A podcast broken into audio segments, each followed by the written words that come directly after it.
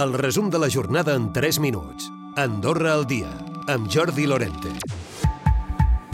Els excaps de govern Jaume Bartomeu i Toni Martí seran observadors en les negociacions amb la Unió Europea per signar un acord d'associació.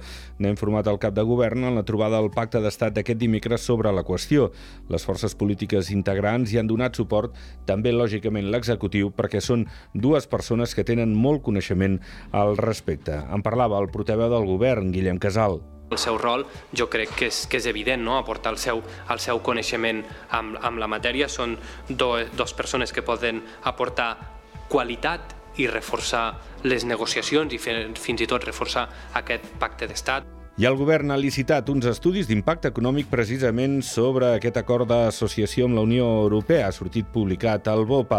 El per què es fa ara i no abans ho justificava el portaveu del govern, Guillem Casal. Per què ho fem ara i no ho hem fet abans? Doncs perquè estem en una situació on l'acord d'associació amb la Unió Europea o les negociacions per aquest acord d'associació hi han avançat el suficientment per tindre eh, coneixement de quin és l'abast o gairebé l'abast global d'aquest acord i gairebé en la totalitat de les quatre eh, llibertats. No? Per tant, la lliure circulació de mercaderies, de persones, de serveis i capitals, ja tenim la informació necessària per poder fer un estudi d'impacte, una avaluació acurada i l'autoritat financera andorrana, l'AFA, podrà des d'ara sancionar les activitats irregulars en la reproducció de bitllets al país. D'aquesta manera, l'AFA tindrà la facultat d'actuar davant les falsificacions d'euros i posteriorment notificar-les al Banc Central Europeu.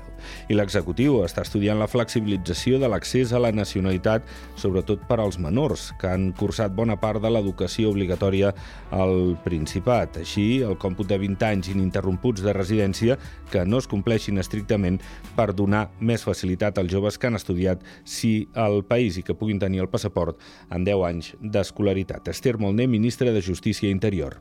Poder dir, seran 10 cursos entre els, eh, els 3 i els 18 anys perquè hi ha persones doncs, que han cursat 10 anys però que no corresponen a la, a la, a l'escolaritat obligatòria i que amb els 10 anys de residència potser seria adequat de poder-los donar la nacionalitat andorrana. Una intervenció programada d'Andorra Telecom va ser la causa de l'avaria que va afectar tota la telefonia fixa i mòbil aquest dimarts a la tarda. L'actuació va provocar un desalineament entre dos dels equips essencials que donen suport al servei. Des de la companyia han explicat, però, que la intervenció és com les que es fan anualment per fer les millores a la xarxa.